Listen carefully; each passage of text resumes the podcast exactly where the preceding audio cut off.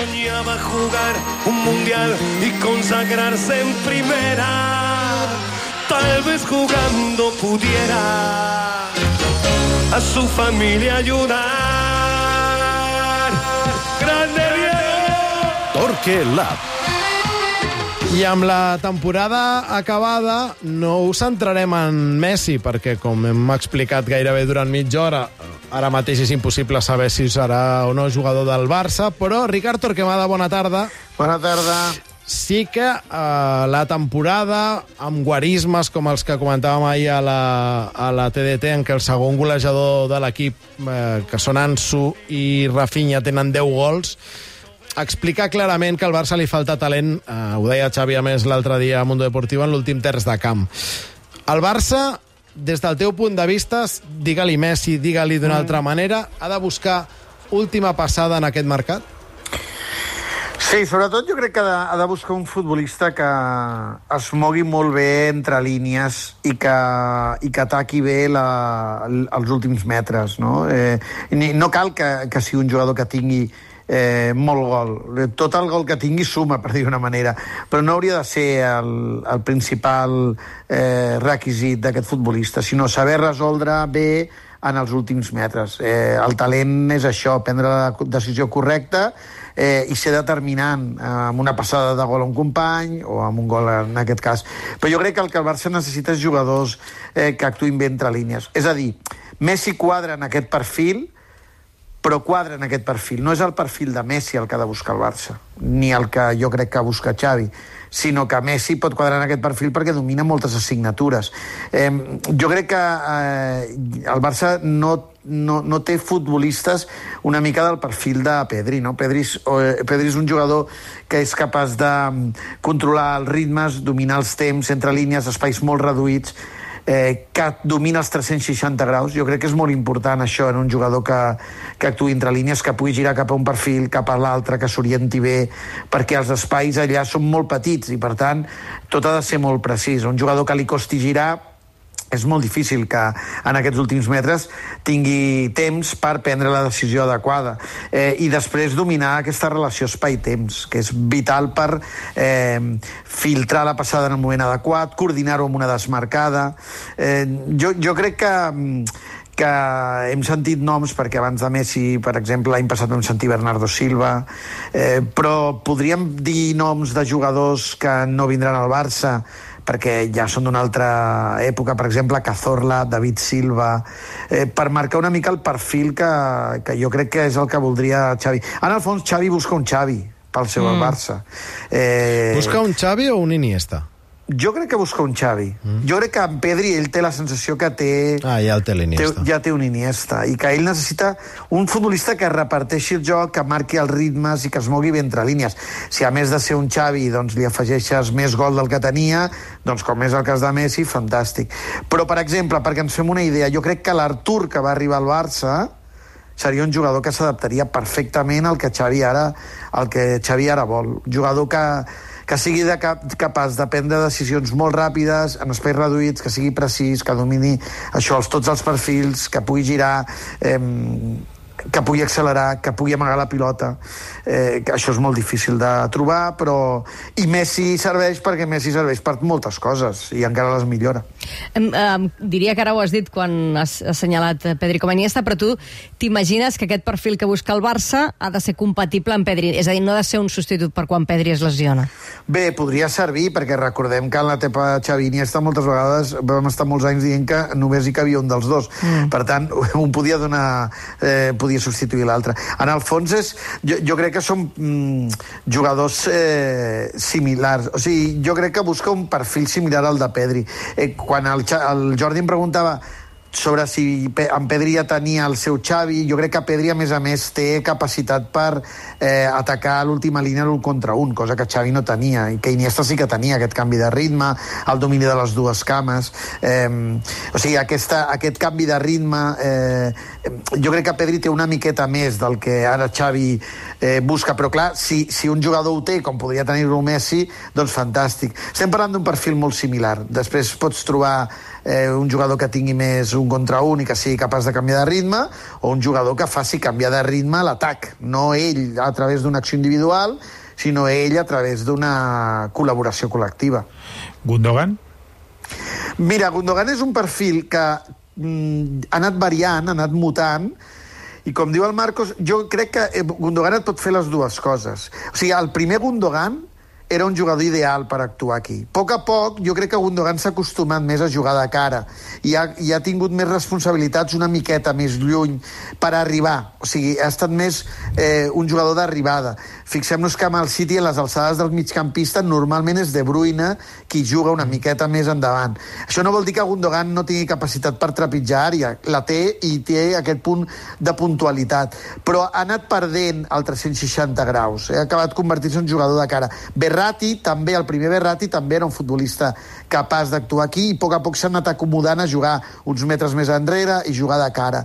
I quan diem de jugar de cara o dominar aquests 360 graus, per mi és una cosa que marca les categories dels migcampistes i que és més difícil del que sembla. Eh? Algú podria dir, home, doncs, eh, doncs que giri, no? Eh, Bé, hi ha futbolistes que tenen més habilitat o que durant la seva carrera, per una qüestió física, doncs va mutant cap a una altra responsabilitat. Jo crec que Gundogan t'ho pot fer, perquè ho ha fet, però el Gundogan d'ara jo crec que tampoc no és eh, el, el, el perfil ideal per això, encara que t'ho pugui fer perquè té molt talent i perquè ho ha fet en una època de la seva carrera. I deixa'm dir que Gundogan potser està en 320 graus, però també és probable que en una temporada faci més gols que tots els Ah, migcampistes sí, de la història clar. del Barça junts. Sí, sí, Això sí. és una, una Sí, sí, variable sí, sí. No, a no descartar.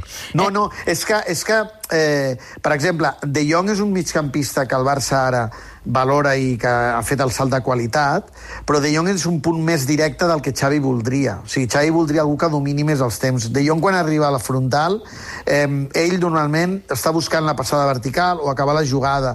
Li costa aquesta sensació de ara amago la pilota, fixo, miro qui salta, obro una banda... O sigui, no té tanta paciència, és un jugador més, eh, més directe, no? I, I el cas de Gundogan jo crec que poc a poc ha anat afegint això que diu el Jordi. Tot i que no es mou tan bé entre línies perquè no acaba de dominar tots els, eh, tot aquest gir que abans tenia, en canvi ara de cara és un futbolista que trepitja àrea i t'arriba al lloc adequat en el moment adequat, que aquesta és una altra virtut. Estem parlant de perfils eh, similars a Pedri fora del Barça, eh, perquè eh, imagino que Xavi no imagina dins de la seva plantilla, no ha comprovat dins la seva plantilla que ningú altre pugui tenir aquests eh, 360 graus que parlaves tu. Eh, Ricard, això vol dir que, per exemple, Gavi no li veu projecció d'acabar tenint aquesta última passada? Mm, jo crec que té dubtes, Xavi, sobre que Gavi pugui acabar de fer-ho. Mm, mm, Jo amb Gavi tindria un punt de paciència. El, el que passa és que Gavi és tanta intensitat que aquest punt de pausa en el moment adequat per prendre la decisió correcta o per eh, canviar-li el temps a la jugada, ara mateix li costa. A Gavi, a Gavi fa les coses a màxima intensitat.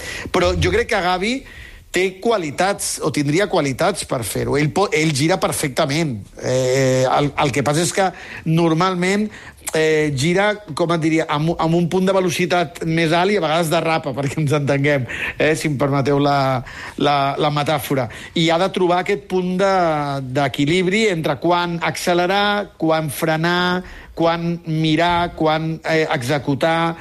Jo, tinc, jo crec que Gavi el jutgem com un jugador adult, però en el fons és un jugador jove. Eh? No ara ja, I que ja moltes vegades, compte. eh, Quants anys té ara? 19, 20? No, 20 segur que no, jo crec que 19. Clar, vull dir, clar, és que no arribant... Eh, clar, una cosa és el talent de Pedri, que és genètic i que és aquests talents que surten per fer això de manera innata. Els fa la goja, I un els altre diuen. és que Gavi pugui fer i que ara mateix estigui valorant o que estigui prioritzant o que estigui imposant altres eh, qualitats que ara mateix l'allunyen una mica d'aquest perfil més, eh, més pur. Sí, en tot cas, a mi em fa la sensació amb Gavi eh, que, que l'hem identificat tant en un futbolista de, de topada i d'intensitat que ens perdem tota la Ah, resta exacte. de coses que té, que les té, però les té com... De moment, no les, últimament, sobretot, no les està ensenyant tant Clar, però per- com... Bé, perquè, té 18 anys, que farà 19 a Clar, l'agost. com diu, és que la frase l'ha dit el Ricard, és que el jutgem com un futbolista Sí, sí. acabat i No és per, per més fabulós que sigui, no ho pot ser de cap manera, però uh, bé, escolta, jo ja, si, si ve Gundogan ho, ho trobaré tot, tot bé i si ens hi cap en l'espai salarial i ara farem una altra rua a mitjans de- d'agost. Ricard, no t'escaparàs de Digue'm. respondre a la pregunta que ja han respost Mireia Va. Vera, Marcos López i Sònia Jalmà. Ricard Torquemada passa a ser ara a tres quarts de vuit Xavi Hernández i li diuen ens hi cap Messi però no ens hi cap res més inclòs el mig centre del que has demanat. Què? No, Doncs suma el tercer no. Però eh, també t'haig de dir que estàs fent un punt de trampa, Costa, amb aquesta pregunta. amb la pregunta. Ara, ara farem, Sí. fes-me-la tu maquillada, Sònia. No, no, perquè estàs fent un punt de trampa Sí, perquè, perquè però- tu dones per fet que és, que és o Messi o el mig centre. Ara mateix sí. Jo crec que amb el 40% aquest no ens hi Eh, cabrà... depèn del que venguis. Ah, no, no. Però, però t'ho puc justificar, eh, per, perquè, perquè mm, el mig centre ens hauria de durar uns anys i per mi és estructural i Messi és una fantasia il·lusionant però que en el fons sabem que té un recorregut curt. Ja, ja he dit abans que era, un, que era Sí, una sí. hipòtesi, no? Sí, sí. Tant de bons hi Però- càpiguen però- els dos, però jo crec que amb els números que ens ha fet la Laia és impossible que t'hi càpiga Messi i un mig centre d'aquests de gastar-te que, bous i esquelles. però, clar, clar, és que, és que amb el, la reflexió que ha fet el, el Ricard, que és molt interessant, és, jo el que vull és un mig centre que, que m'hagi de durar una dècada. El mig centre que hagi de durar una dècada potser no el pots fitxar, precisament perquè està norma, i en canvi a Messi sí. Pot ser. Pot Sí. ser, clar. Si no pots fitxar que un dir, mig que, centre que, no, estructural... que, que, el, que també l'economia et marcarà quina ha de ser la teva prioritat. Això podria ser, però, però és possible que a Xavi li diguin noi, què fem? Uh, anem amb Messi i ja veurem què trobem pel mig centre? No, no, no, no jo vull al mig centre que si no, no l'any que ve no sortim a jugar.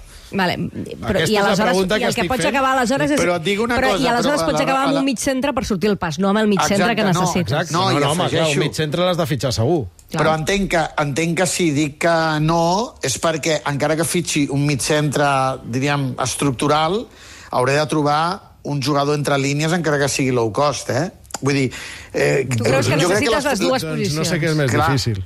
El, els rols, els rols, diríem que s'han d'ocupar tots. Per això dic tot a Messi no, però si em diguessis tot a Kimmich, tampoc. Vull dir, hi ha el, el jugador aquest que n'hem estat parlant durant tota aquesta estona, per mi és imprescindible, perquè si no passa el que passa, que quan no hi ha Pedri, Clar. mm, aquí ens falta llum, i, i si necessitem més continuïtat i necessitem donar-li sentit al que Xavi vol, i ell vol un producte acabat, perquè tot això ens ho està demostrant Xavi, que vol rendiment immediat, no s'està plantejant eh, cuinar Gavi 3 anys. Estem parlant de que necessitem això ja, doncs ho necessitem. Si és una versió extraordinària, perfecte, i si és una versió ordinària, doncs ordinària, però que sàpiga fer el que necessitem que faci. Eh, ho havíeu intentat amb una pregunta ben maniquea i Ricard Torquemada me l'ha me l'ha tombada. Uh, Ricard, una abraçada, gràcies. Adéu.